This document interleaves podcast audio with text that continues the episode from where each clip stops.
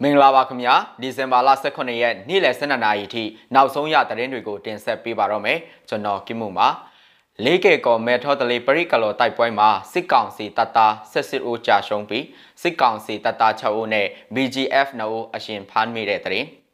ဒဂုံမြို့တစ်တောင်ပိုင်းမြို့နယ်ရှိရဲဝန်ထမ်းလိုက်ခန်းကို SCPLF အဖွဲ့ကဘုံဖောက်ခွဲတိုက်ခိုက်တဲ့သတင်း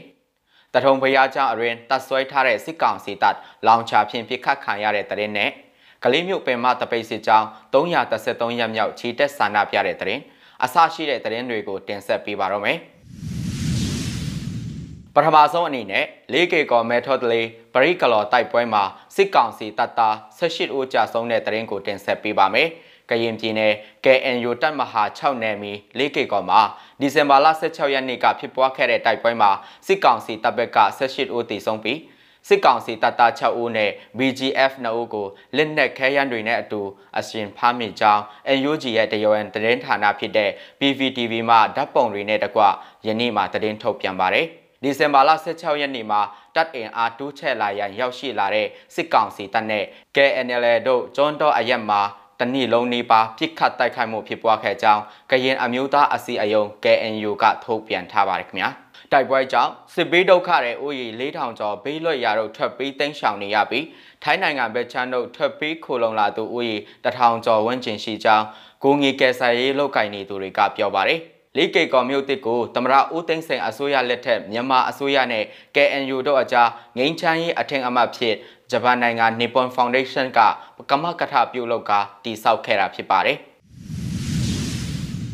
ဆက်လက်ပြီးတော့ဒဂုံမြို့တစ်တောင်ပိုင်းရှိရဲဝန်ထမ်းလိုက်ခန်းကို SCPLF အဖွဲ့ကဘုံဖောက်ခွဲတိုက်ခိုက်တဲ့တရင်ကိုတင်ဆက်ပေးပါမယ်။ရန်ကုန်တိုင်းဒဂုံမြို့တစ်တောင်ပိုင်းမြို့နယ်မြို့ဦးမွန်လမ်းပေါ်တောင်မြောက်လမ်းဆောင်အနီးရဲစခန်းအရင်ရှိရဲဝန်ထမ်းလိုက်ခန်းကိုဘုံနှကြိမ်ဖောက်ခွဲတိုက်ခိုက်ခဲ့ကြောင်းအာနာသိန်းစန့်ကျင်ရေးနဲ့ပြည်သူ့လွတ်မြောက်ရေးအဖွဲ့ SCPF အာဆာပါလာကဒီဇင်ဘာလ16ရက်ညပိုင်းမှာတရင်ထုတ်ပြန်ပါတယ်။ ဒီဇင်ဘာလ16ရက်နေ့ည9:22မိနစ်အချိန်မှာအဲ့ဒီရဲဝန်ထမ်းလိုက်ခန်းကိုပထမအကြိမ်ဖောက်ခွဲတိုက်ခိုက်ခဲ့ပြီးပောက်ကွဲမှုဖြစ်ပွားရာနေရာကိုစစ်ဆေးဖို့ရောက်ရှိလာတဲ့အာနာသိန်းစစ်ကောင်စီတပ်ဖွဲ့ဝင်တွေကိုည8:30မိနစ်30အချိန်မှာဒုတိယအကြိမ်ထပ်မံဖောက်ခွဲတိုက်ခိုက်ခဲ့တယ်လို့ SCPLF ရဲ့ထုတ်ပြန်ချက်မှာဖော်ပြထားပါတယ်။လိုင်ခန်အရင်ထဲကိုအပြင်ကပြစ်သွင်းတာပါတကယ်ကစုစုပေါင်း၃လုံးထောင်တာပါတလုံးကသူတို့ရှာတွေ့သွားလို့ထင်တယ်မကွဲလိုက်ပါဘူး ပေါက်တဲ့နှလုံးကလိုက်ခန်းအပြင်မလန်းမကမ်းပါပါညဘက်ဆိုတော့ပြီးတဲ့အထိမကြည့်နိုင်ခဲ့ဘူး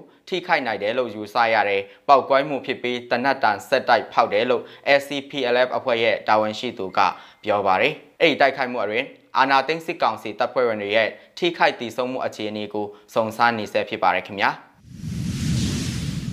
နောက်ထပ်သတင်းသဘောအနေနဲ့တရုံဖျားကျောင်းအရင်တပ်ဆွဲထားတဲ့စစ်ကောင်စီတပ်လောင်ချဖြင့်ပစ်ခတ်ခံရတဲ့တရင်ကိုတင်ဆက်ပေးပါမယ်။ တထုံမြို့နယ်တွင်ခရီးယန်ဖျားကျောင်းတစ်ခုမှာတပ်ဆွဲထားတဲ့စစ်ကောင်စီတပ်ကိုလောင်ချဖြင့်ပစ်ခတ်တိုက်ခိုက်မှုဒီဇင်ဘာလ15ရက်နေ့ကဖြစ်ပွားခဲ့တယ်လို့ဒီတခမ်ကြောက်ကြားတပ်ဖွဲ့ကထုတ်ပြန်ကြေညာပါတယ်။တထုံမြို့အနောက်ဘက်မိုင်20ခန့်အကွာတိန်စိတ် 4K လမ်းပိုက်ရှိကော့လိုက်ကြီးရွာထီးမင်္ဂလာဖျားကျောင်းအနီးမှာတပ်ဆွဲထားတဲ့စစ်ကောင်စီတပ်ကိုနေ့လယ်ပိုင်းမှာပစ်ခတ်ခဲ့တာဖြစ်ပါတယ်။သူတို့အိမ်မှာတပ်ဆွဲထားတာ10ရက်လောက်ရှိပြီးအင်အားက20လောက်တော့ရှိတယ် M79 grenade launcher နဲ့ငါးချက်ပစ်ခဲ့တယ်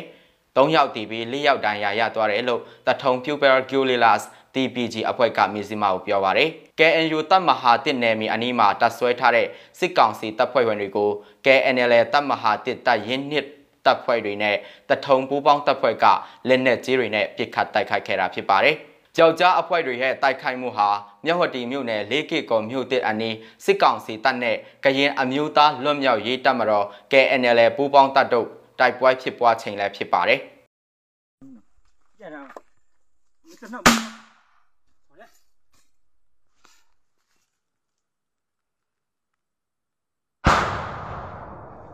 ဒီနော်ချ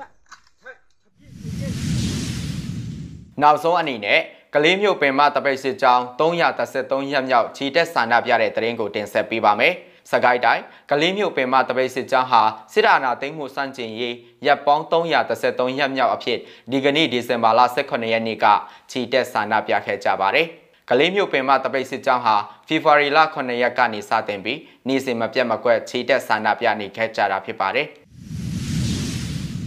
မီဇီမာရဲ့ဒီဇင်ဘာလ18ရက်နေ့လယ်12နာရီထိနောက်ဆုံးရရှိထားတဲ့သတင်းတွေကိုတင်ဆက်ပေးခဲ့တာပါမြန်မာပြည်သူပြည်သားပေါင်းစိတ်ချမ်းသာခြင်းကိုယ်ရေးချမ်းသာခြင်းနဲ့ပြည့်စုံကြပါစေခင်ဗျာ။